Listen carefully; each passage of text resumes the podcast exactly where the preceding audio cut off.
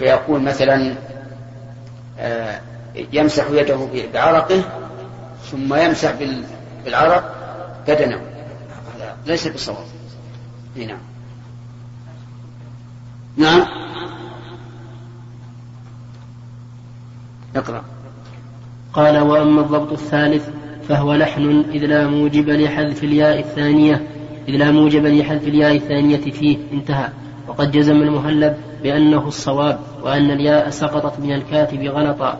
قال ابن بطال والمراد طويلا كان القميص سابغا أو قصيرا فإنه يجوز أن يكفن فيه. كذا قال ووجهه بعضهم بأن عبد الله كان مفرط الطول كما سيأتي في ذكر السبب في إعطاء النبي صلى الله عليه وسلم له قميصا وكان النبي صلى الله عليه وسلم معتدل, معتدل الخلق. وقد أعطاه مع ذلك قميصه ليكف ليكفن فيه ولم يلتفت إلى كونه ساترا لجميع بدنه أو لا. وتعقب بأن, بأن حديث جابر دال على أنه كفن في غيره فلا تنتهض الحجة بذلك. وأما قول وأما قول ابن رشيد إن المكفوف إن المكفوف الأطراف لا أثر له فغير مسلم بل المتبادر إلى الذهن أنه مراد أنه مراد البخاري كما فهمه ابن التين. والمعنى أن التكفين في القميص ليس ممتنعا سواء كان مكفوف الأطراف أو غير مكفوف أو أو المراد بالكف تزريره دفعا لقول من يدعي لقول من يدعي أن القميص لا يسوغ إلا إذا كانت أطرافه غير مكفوفة أو كان غير مزرر ليشبه الرداء وأشار بذلك إلى الرد على من خالف في ذلك وإلى أن التكفين في غير قميص مستحب ولا يكره التكفين في القميص. وفي الخلافيات للبيهقي من طريق ابن عون قال كان محمد بن سيرين يستحب أن يكون, أن يكون قميص الميت كقميص الحي مكففا مزررا. وسيأتي الكلام على حديث عبد الله بن عمر في قصة عبد الله بن أبي بتفسير سورة براءة إن شاء الله تعالى. طيب. الذي يظهر لي أن الصواب مكف أو لا يكف والمعنى سواء كان سابغا يمكن أن تكفه يعني ترده على قدم الميت أو لا يمكن. هذا هو الظاهر وهو واضح. فعجب من الشيخ رحمه الله من حجر في, في طول هذا الكلام مع أنه لا حاجة إليه. وليس المراد أيضا أنه يكف طرف القميص بحيث يخاط لا. مراد يكف يعني يرد أسفله إلى قدم الميت. أو لا. لأن القميص إذا كان على إذا كان على شخص قصير من شخص طويل فإن طرفه إيش؟ ينكف على على رجل الميت. وإن كان العكس فإنه لا ينكف. فهذا مراد البخاري والله أعلم وهو واضح. ولا ذكر السبب. ليش؟ لأن الرسول أعطاه قميصة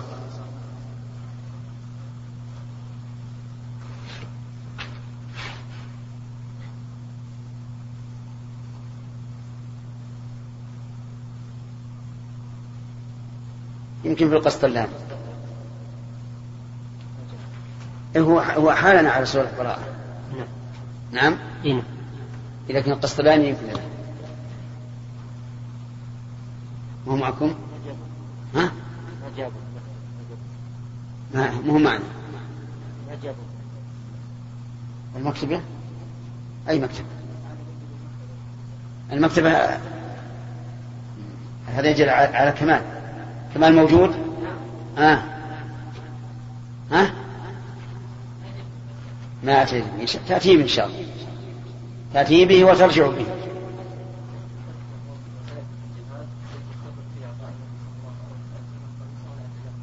وين وأين الجهاد؟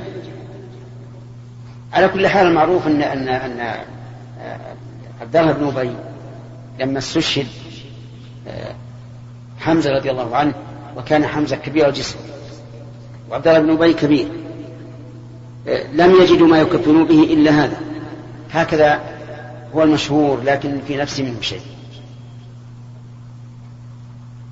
لأن عبد الله بن أبي فيما, فيما يبدو لم يظهر مع الناس في أحد. ثم إنه آه، كيف يطلبون له ثوبا والشهيد يدفن في ثيابه. لكن قصة مشهورة فتحتاج إلى تحرير من منكم يحررها؟ طيب. نبدأ باليمين أحمد. أحمد الفيل نعم. يأتي به ما, ما في درس في الأسبوع القادم. الأسبوع القادم إن شاء الله. نعم. باب الكفن بغير قميص. حدثنا أبو نعيم قال حدثنا سفيان في هذا الحديث تعليف القلوب. وإلا فإن عبد الله بن أبي رأس المنافقين. ومن أشد الناس إيذاء للرسول صلى الله عليه وعلى آله وسلم. لكن ابنه من خيار الصحابة رضي الله عنه. ففعل النبي صلى الله عليه وسلم بأبيه هكذا آه، استغفر له وصلى عليه. تأليفا لقلبه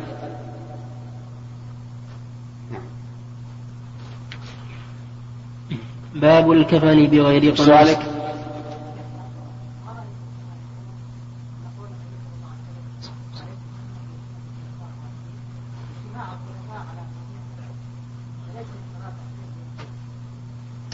رأينا أنه ليس بالصحيح. لأنه ليس المقصود المجموع. بل المقصود الجميع بمعنى أنه يكفي واحد منه نعم. أسئلة الآن؟ نعم. نعم يا سليم. إيش؟ إي نعم. أنا ما ظننت أحد يسألني إلا أنت في هذا المسألة. ما ظننت أحد أحد يسألني عن هذا إلا أنت. عمر رضي الله عنه جذبه لأجل للمبادرة بعدم الصلاة. لأن النبي صلى الله عليه وسلم تقدم.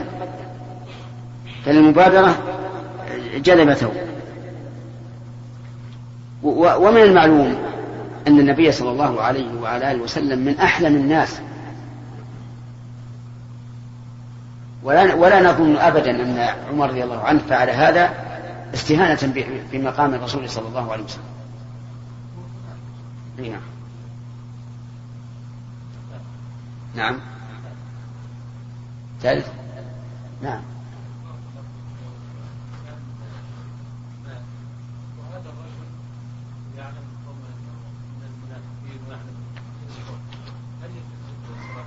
لا.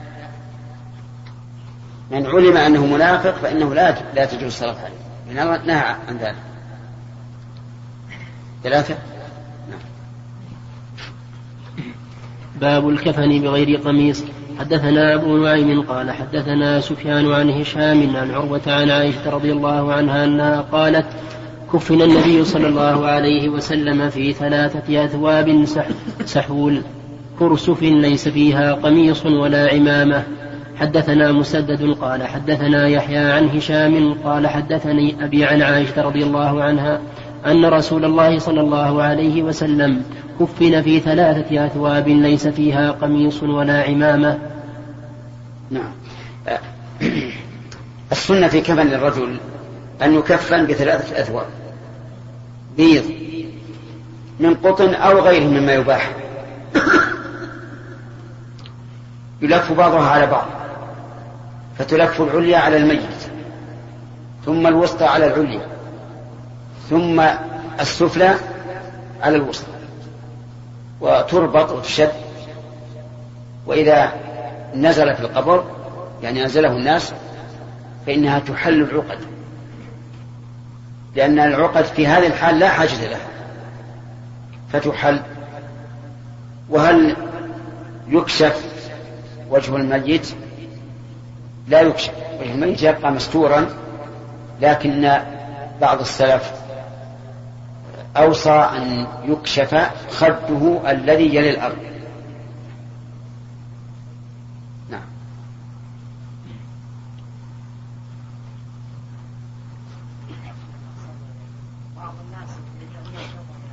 إيش؟ نعم. قميصا يعني. لفافا.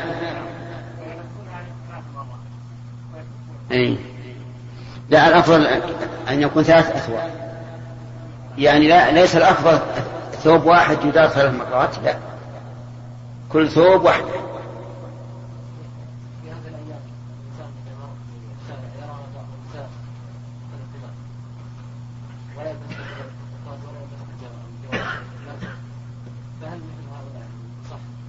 إي نعم.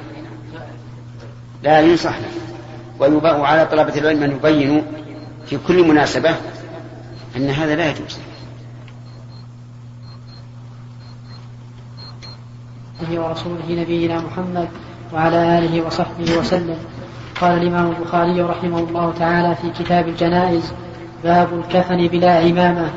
حدثنا إسماعيل قال حدثني مالك عن هشام بن عروة عن أبيه عن عائشة رضي الله عنها أن رسول الله صلى الله عليه وسلم كفن في ثلاثة أثواب بيض سحولية ليس فيها قميص ولا عمامة بسم الله الرحمن الرحيم. استدلال عائشة رضي الله عنها لأن الصحابة هم الذين كفنوه وليس يعني ذلك أن النبي صلى الله عليه وسلم أوصى بذا أوصى به. فيكون الدليل هنا هو فعل الصحابة رضي الله عنهم. نعم. باب الكفن من جميع المال وبه قال عطاء وبه قال عطاء والزهري وعمرو بن دينار وقتادة وقال عمرو بن دينار الحنوط من جميع المال وقال إبراهيم يبدأ بالكفن ثم بالدين ثم بالوصية وقال سفيان أجر القبر والغسل هو من الكفن. حدثنا أحمد بن محمد المكي. هذا هو الصحيح أن الكفن من جميع المال؟ يعني مقدم على الدين وعلى الوصي فيبدأ بالكفن وبمؤونة التجهيز كلها من أجرة الغاسل وأجرة الدافن وغير ذلك. ثم بالدين ثم بالوصية ثم بالميراث. نعم. حدثنا أحمد بن محمد المكي قال حدثنا إبراهيم بن سعد عن سعد عن أبيه قال أتي عبد الرحمن بن عوف رضي الله عنه يوما بطعامه فقال قتل مصعب بن عمير وكان خيرا مني فلم يوجد له ما يكفن فيه إلا بردة وقتل, وقتل حمزة أو رجل آخر خير مني فلم يوجد له ما يكفن ما يكفن فيه إلا بردة لقد خشيت أن يكون قد عجلت لنا طيباتنا في حياتنا الدنيا ثم جعل يبكي.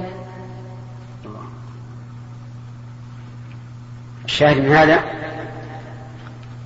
في اللفظ الآخر إلا برده.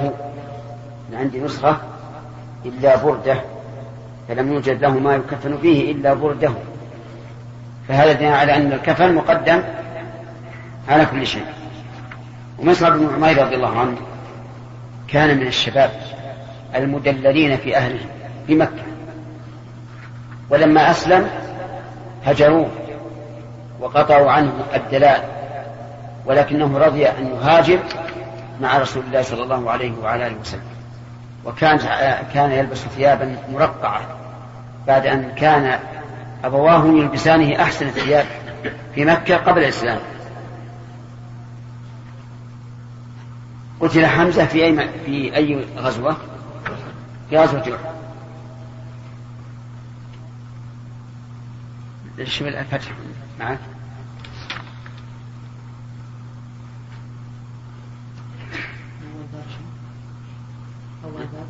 أي لم هم أول باب حديث هذا حديث عبد الرحمن بن عوف قوله حدثنا أحمد بن محمد المكي هو الأزرق على الصحيح قوله عن سعد أي ابن إبراهيم بن عبد الرحمن بن عوف أي إبراهيم بن سعد في هذا الإسناد راو عن أبيه عن جده عن جد أبيه. وسيأتي سياقه في الباب الذي يليه أصرح اتصالا من هذا. ويأتي الكلام على فوائده مستوفى في باب غزوة أحد من كتاب المغازي.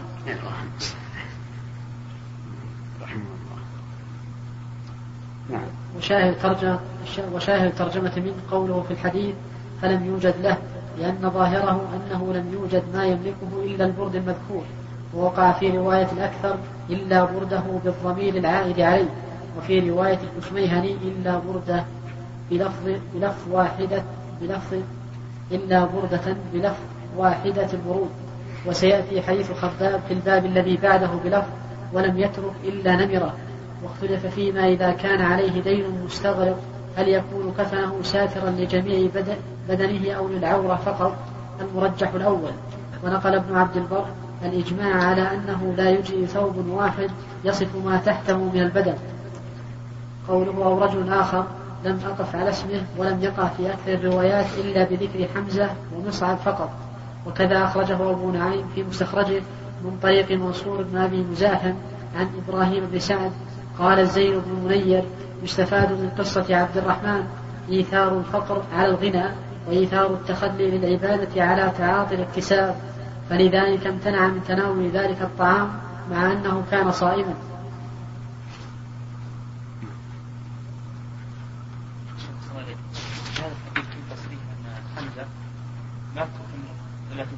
نعم. يزول إشكال في أي ودنا نشوف. أحسن. نحرر أحسن. نعم. باب إذا لم يوجد إلا ثوب واحد. حدثنا محمد بن مقاتل قال أخبرنا عبد الله قال أخبرنا شعبة عن سعد بن إبراهيم عن أبيه إبراهيم أن عبد الرحمن بن عوف رضي الله عنه أتي بطعام وكان صائما فقال قتل مصعب بن عمير وهو خير مني. كفن في بردة إن غطي رأسه بدت رجلاه وإن غطي رجلاه بدا رأسه. وأراه قال وقتل حمزة وهو خير مني ثم بسط لنا من الدنيا ما بسط أو قال أعطينا من الدنيا ما أعطينا وقد خشينا أن تكون حسناتنا عجلت لنا ثم جعل يبكي حتى ترك الطعام.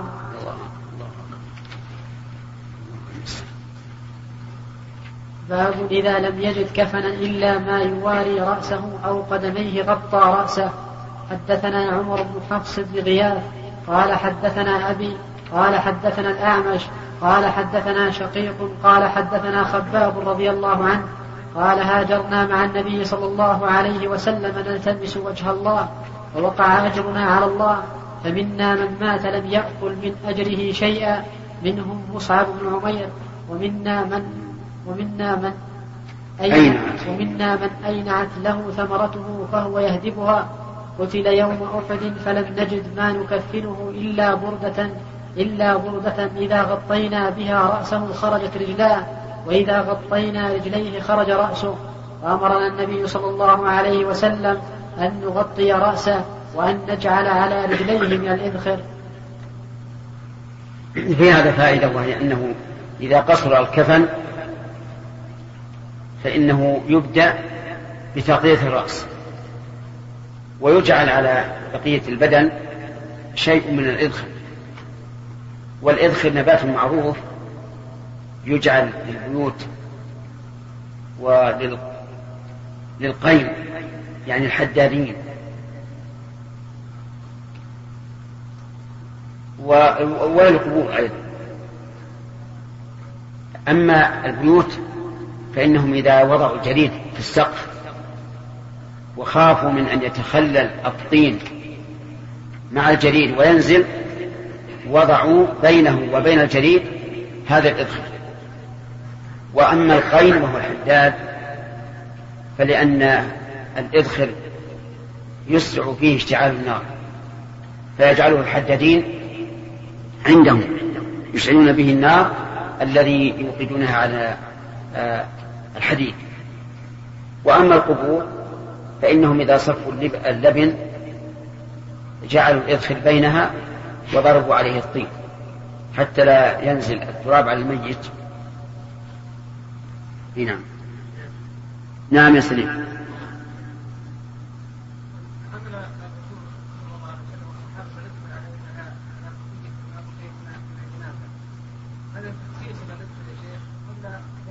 لا الظاهر انه إنه ذاك الوقت هو أحسن ما يكون. لأنه لين ويغطي يستر. فإذا وجد غيره كفى. نعم. باب من استعد الكفن في زمن النبي صلى الله عليه وسلم فلم ينكر عليه. حدثنا عبد الله بن مسلمة قال حدثنا ابن أبي حازم عن أبيه عن سهل رضي الله عنه أن امرأة جاءت النبي صلى الله عليه وسلم ببردة منسوجة فيها حاشيتها أتدرون ما البردة قالوا الشملة. قال نعم. قالت نسجتها بيدي فجئت لأكسو لأكسوكها فأخذها النبي صلى الله عليه وسلم محتاجا إليها فخرج إلينا وإنها إزار فحسنها فلان. فقال اكسنيها ما أحسنها. قال القوم ما أحسن. لبسها النبي صلى الله عليه وسلم محتاجا إليها. ثم سألته وعلمت أنه لا يرد. قال إني والله ما سألته لألبسها إنما سألته لتكون كفني. قال سهل فكانت كفنا في هذا دليل على كرم النبي صلى الله عليه وعلى آله وسلم وعلى منزلته في في قلوب أصحابه وأنهم يهدون إليه الأشياء التي يرونها مرغوبة. وفيه أيضا دليل على جواز السؤال إذا كان لغرض صحيح. لأن النبي صلى الله عليه وسلم لم ينكر على هذا السائل. لكنه أعطاه. إلا أن هذه الفائدة قد يعكر عليها ما جاء في الأحاديث الأخرى من النهي عن السؤال. لا سيما إذا كان المسؤول ذا كرم وحياء وخجل نعم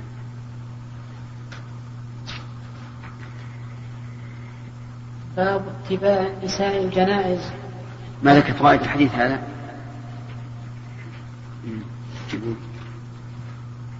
قال ابن حجر رحمه الله تعالى وفي هذا الحديث من الفوائد حسن خلق النبي صلى الله عليه وسلم وساعة جوده وقبوله الهدية واستنبط منه المهلب جواز ترك مكافأة الفقير على هديته وليس ذلك بظاهر منه فإن المكافأة كانت عادة النبي صلى الله عليه وسلم مستمرة فلا يلزم من السكوت عنها هنا ألا يكون فعلها بل ليس في سياق هذا الحديث الجزم بكون ذلك كان هدية كان هدية فيحتمل أن تكون عرضتها عليه ليشتريها منها.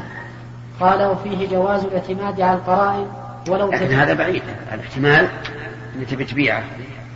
وهي تقول قلت لا فجئت لأكسوك. لم تقل لي أبيعها لكن هذا كما قلنا لكم سابقا مما يحدث من العلماء عند المضايقات. فيكون أشياء بعيدة. نعم.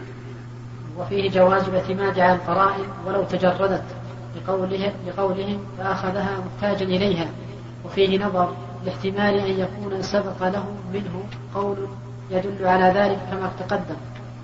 قال وفيه الترغيب في المصنوع بالنسبة إلى صانعه إذا كان ماهرا ويحتمل أن تكون أرادت بنسبته إليها إزالة ما يخشى من التدليس. وفيه جواز استحسان الإنسان ما يراه على الاحتمالات العقلية ما لها مجال في مثل هذه الأمور. ولو قلنا بكل احتمال يفرضه العقل ما صح لنا الاستدلال. نعم. وفيه جواز استحسان الإنسان ما يراه على غيره من الملابس وغيرها إما ليعرفه قدرها وإما ليعرض له بطلبه منه كيف يسوغ له ذلك. أعد الفائدة هذه. وفيه جواز استحسان الإنسان ما يراه على غيره من الملابس وغيرها إما ليعرفه قدرها وإما ليعرض له بطلبه منه يعرض وإما ليعرض له بطلبه منه حيث يسوغ له ذلك.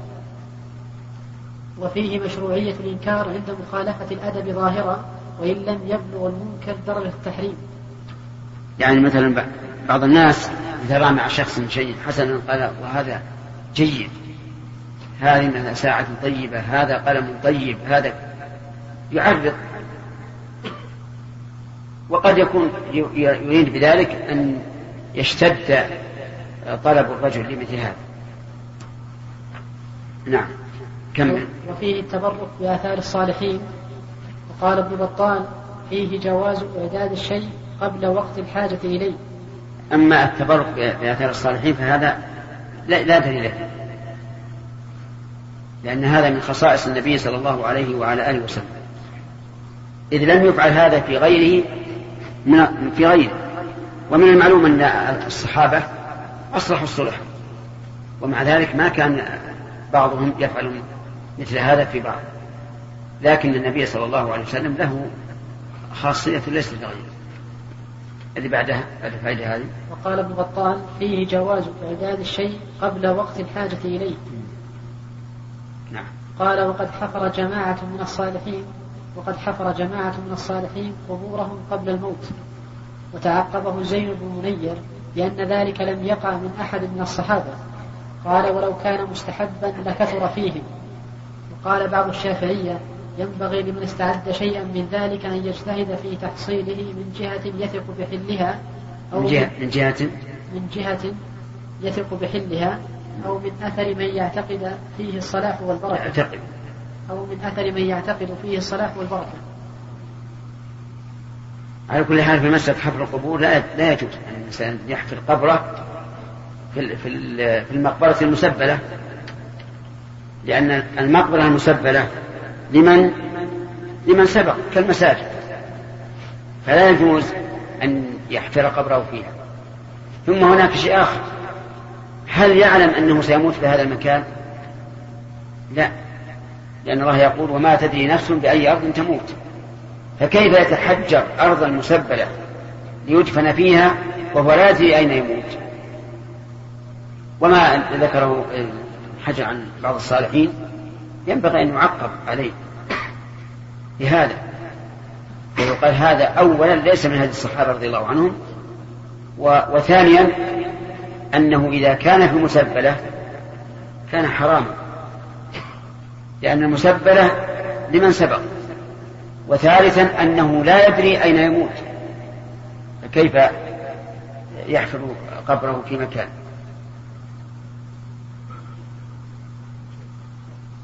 نعم. يسأل هنا نعم.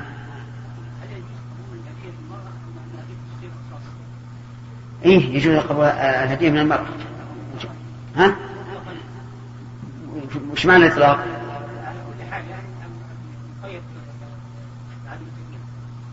هذه هذه كل شيء مباح فهو مقيد بعد الفتح نعم.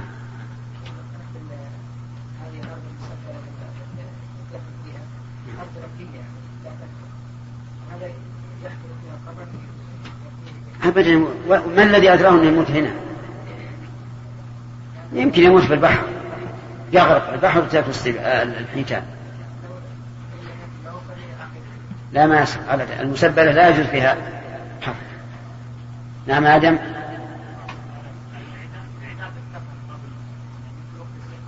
نعم. هذا أيضا من البدع. هذا من البدع لأن الصحابة ما فعلوه والنبي صلى الله عليه وسلم لم يفعل لكن هذا الرجل أراد أن يتبرك بآثار النبي صلى الله عليه وسلم. ولهذا البخاري رحمه الله عنده فتنة في هذا. قال من استعد الكفن في زمن النبي صلى الله عليه وسلم فلم ينكر عليه. أما بعد ذلك فلا يعلم. كان الناس قبل أن يحصل الزحام الشديد في المسجد الحرام كانوا يشترون آه، يعني شيء كثير من هذا. ما أدري يسمونه ها؟ إيش؟ لا لا لا. طاقة يسمى؟ إيه، زين. أنا خفت إن اللغة تخالف لغتكم الطاقة هذه ويفلونها بكثرة. يعني من هذا إلى ما وراء المسجد. يغسلونها بماء زمزم وينشرونها على الممرات. يقولون هذا للتبرك. لكن الحمد لله الآن الزحام صار فيه فائدة. ما يتمكن. نعم؟ اي اللي خارج المسجد.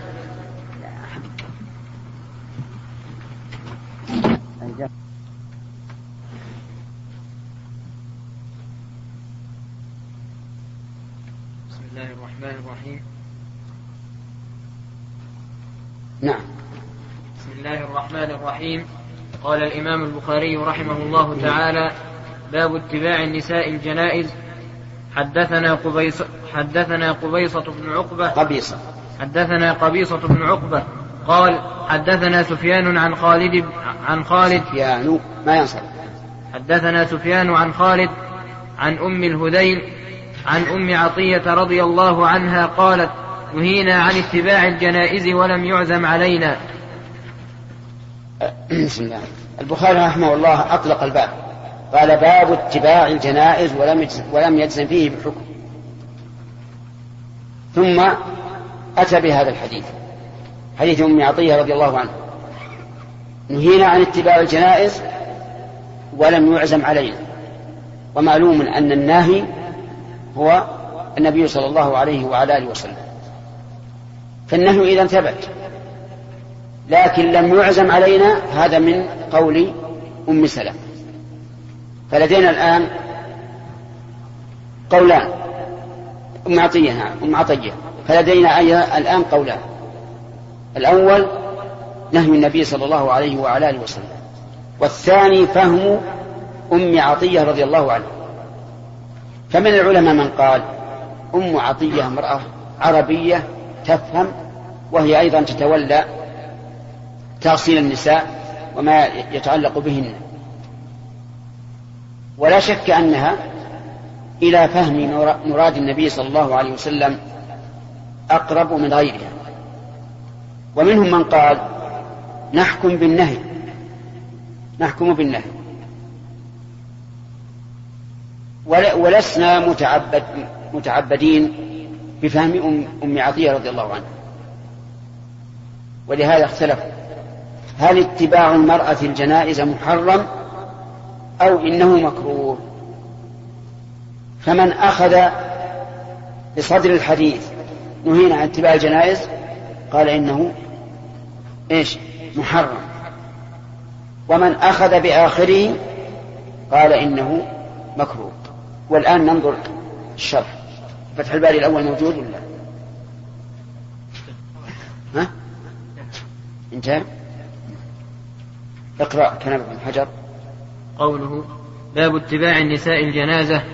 قال الزين بن المنير فصل فصل المصنف رحمه الله تعالى بين هذه الترجمة وبين فضل اتباع الجنائز بتراجم كثيرة تشعر بالتفرقة تراجم. بتراجم كثيرة تشعر بالتفرقة بين النساء والرجال وأن الفضل وأن الفضل الثابت في ذلك يختص بالرجال دون النساء لأن النهي يقتضي التحريم أو الكراهة.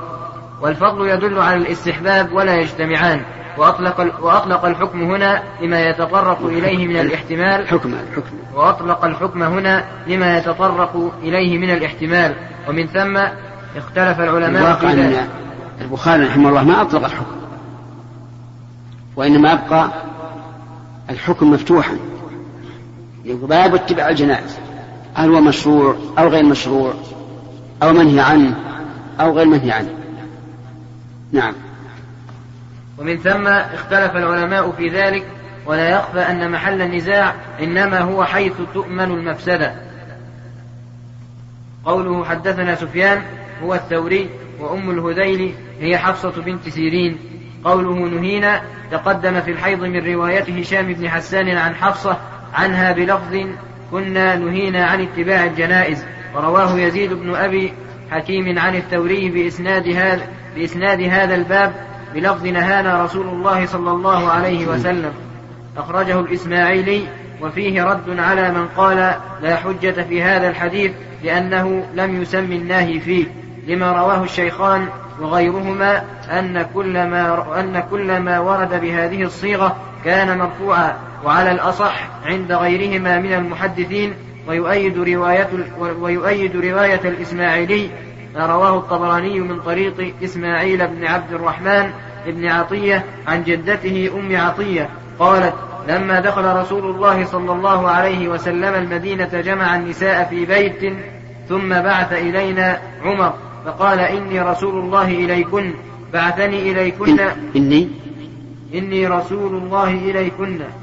رسول إني رسول, رسول الله. ها؟ عندكم كذا إني رسول رسول الله إليكن. ها؟ إيه مرتين ها؟ رسول فقط واحد. لا رسول رسول الله. عمر رسول رسول الله؟ إني رسول رسول الله إليكن بعثني إليكن لأبايعكن على ألا تشركن بالله شيئا. الحديث وفي آخره وأمرنا أن نخرج أن نخرج في العيد العواتق ونهانا أن ونهانا أن نخرج في جنازة. وهذا يدل على أن رواية أم عطية الأولى من مرسال الصحابة. قوله ولم يعزم علينا أي ولم يؤكد علينا في المنع كما أكد علينا في غيره من المنهيات فكأنهما فكأنها قالت كره لنا اتباع الجنائز من غير تحريم. وقال القرطبي ظاهر سياق أم عطية أن النهي نهي, نهي التنزيه أو نهي تنزيه وبه قال جمهور أهل العلم ومال مالك إلى الجواز. وهو قول أهل المدينة ويدل على الجواز ما رواه ابن أبي شيبة من طريق محمد بن عمرو بن عطاء عن أبي هريرة أن رسول الله صلى الله عليه وسلم كان في جنازة فرأى عمر فرأى عمر امرأة فرأى عمر امرأة فصاح عمر. عمر رأى امرأة. ها؟ عمر هو الذي رأى. كيف؟ ظننت أن عمر هو الذي رأى المرأة. إيه لكن أنت نونته الآن. عمر. صرفت عمر. وعمر ما ينبغي أن يصرف. الإنسان يجازه دائما. أنت صرفته الآن. رأى عمر امرأة فصاح بها فقال دعها يا عمر الحديث. وأخرجه ابن ماجة والنسائي من هذا الوجه ومن طريق أخرى عن محمد عن محمد بن عمرو بن عطاء عن سلمة بن الأزرق. ابن عمرو هذا غلط. ابن عمرو. عن محمد بن عمرو بن ابن عمرو بن عطاء عن سلمة بن الأزرق عن أبي هريرة ورجاله ثقات وقال المهلب في حديث أم عطية دلالة على أن النهي في الشارع على درجات وقال الداودي قولها نهينا عن اتباع الجنائز أي إلى أن نصل إلى القبور وقوله ولم يعزم علينا أي ألا نأتي أهل الميت فنعزيهم ونترحم على ميتهم من غير أن نتبع جنازته. انتهى. وفي, وفي أخذ هذا التفصيل من هذا السياق نظر. ما في شك. أقول بعيد. بعيد من الحديث. نعم.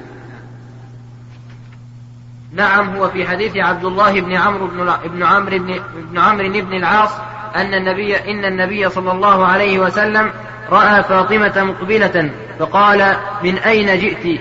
فقالت رحمة رح رحمت على أهل هذا الميت ميتهم. فقال لعلك رحمت رحمت. على أهل هذا الميت ميتهم. فقال لعلك بلغت معهم الكدي. قالت لا الحديث. وأخرجه أحمد والحاكم وغيرهما. فأنكر عليها بلوغ بلوغ الكدي وهو بالضم وتخفيف الدال المقصورة وتخفيف الدال المقصورة وهي المقابر ولم ينكر عليها التعزية. وقال المحب الطبري يحب يحتمل أن يكون المراد بقولها ولم يعزم علينا. طويل طويل هذا. نعم مش مش لا و... يلا كم ولم يعزم علينا أي كما عزم على الرجال بترغيبهم في اتباعها بحصول القيراط ونحو ذلك والأول أظهر والله أعلم. تحريف هذا. ولم يعزم علينا أن, نت... أن... أن نتبعه. وهذا لا شك أنه تحريف. على كل حال هذه المسألة المختلف فيها. هل يجوز للنساء أن يتبعن الجنائز أو لا؟ فمن العلماء من قال إنه يجوز. وقال إن النهي ليس فيه عزيمة ومنهم من قال يكره لأنه ثبت النهي ونفت العزيمة. وهذا هو حقيقة المكروه. ومنهم من قال يحرم لأن قولها ولم يعزم علينا من فهمها ونحن إنما نتعبد بقول الرسول صلى الله عليه وعلى آله وسلم. ولا شك أن منع النساء من اتباع الجنائز أبعد من الفتنة. وأسلم من الشبهة. فيمنعنا من اتباع الجنائز سواء قلنا إنه مكروه أو قلنا إنه محرم لما يترتب على ذلك من إيش؟ خوف الفتنة. والغالب أن النساء يتبعن الجنازة وهن ضعيفات لا يتحمل فربما يحصل نياحة وندب وصياح ويحصل بذلك شر كثير.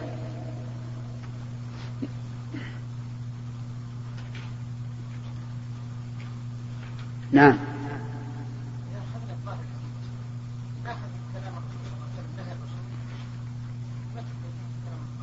نعم. أي نعم. هذا هذا هذا تعليل من يقول بالتحريم. نعم. باب إحداد المرأة على غير زوجها.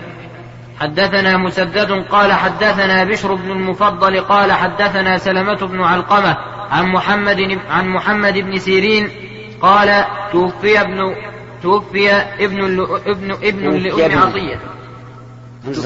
توفي ابن لأم عطية رضي الله عنها فلما كان اليوم الثالث دعت بصفرة فتمسحت به وقالت نهينا أن نحد, نحد أكثر من ثلاث إلا بزوج.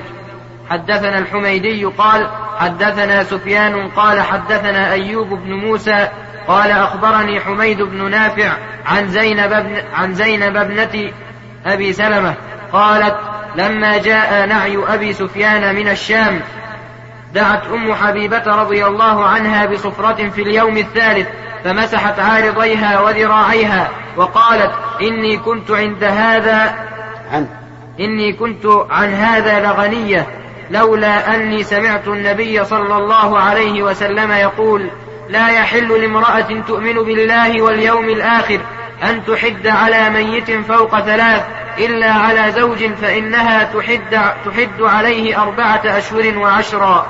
حدثنا إسماعيل قال حدثنا مالك عن عبد حدثني. قال حدثني مالك عن عبد الله بن أبي بكر عن عبد الله بن أبي بكر ابن محمد بن عمرو ابن حزم عن حميد. عمرو؟ نهيتك عنها قبل قليل. ابن عمرو بن حزم. عمرو بكسر ابن عمرو ابن حزم طيب لماذا يؤتى بالواو؟ للفرق بينها وبين عمر فقط. وإلا عند الإعراب تحذف الواو. ولذلك إذا جاءت منصوبة عامرا لم تأتي الواو. نعم. عن عبد الله بن أبي بكر ابن محمد بن عم ابن عمرو حرك جزاك الله خير. ابن عمرو بن حزم عن حميد عن حميد بن نافع عن زينب بنت أبي سلمة أخبرته قالت دخلت على أم حبيبة زوج النبي صلى الله عليه وسلم فقالت سمعت رسول الله صلى الله عليه وسلم يقول لا يحل لامرأة تؤمن بالله واليوم الآخر تحد على ميت فوق ثلاث إلا على زوج أربعة أشهر وعشرا. ثم دخلت على زينب بنت جحش حين توفي أخوها فدعت بطيب فمست ثم قالت ما لي بالطيب من حاجة غير أني سمعت رسول الله صلى الله عليه وسلم على المنبر يقول لا يحل لامرأة تؤمن بالله واليوم الآخر تحد على ميت فوق ثلاث إلا على زوج أربعة أشهر وعشرا. هذا هذا الباب في حكم إحداد المرأة على غير زوجها. وفيه التصريح الواضح أنه لا يحل أن تحد على غير زوجها إلا ثلاثة أيام فأقل. ومثلها الرجل. أما على الزوج فتحد أربعة أشهر وعشرا إلا أن تكون حاملا فإنها تحد مدة العدة ولو قلت عن أربعة أشهر وعشرة وما هو فما هو الإحداد؟ الإحداد الامتناع عن ما يأتي. أولا كل تجميل كل تجميل للبدن فإنه يجب الامتناع منه. مثل الكحل والتحمير والمكياج وما أشبه ذلك.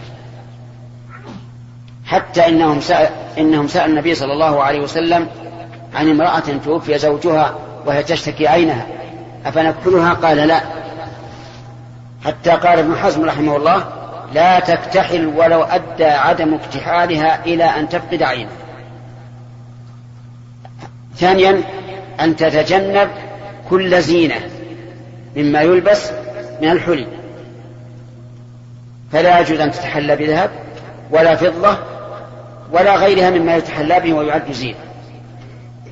كالأسورة والخروص والقلادة وما أشبه. فإن كان عليها أسورة إن كان عليها أسورة وصعب أن تخرج من يدها فماذا يصنع بها؟ تقص قص هذه الأسورة ولو حصل في ذلك نقص في قيمة السوار لأن هذا النقص من أجل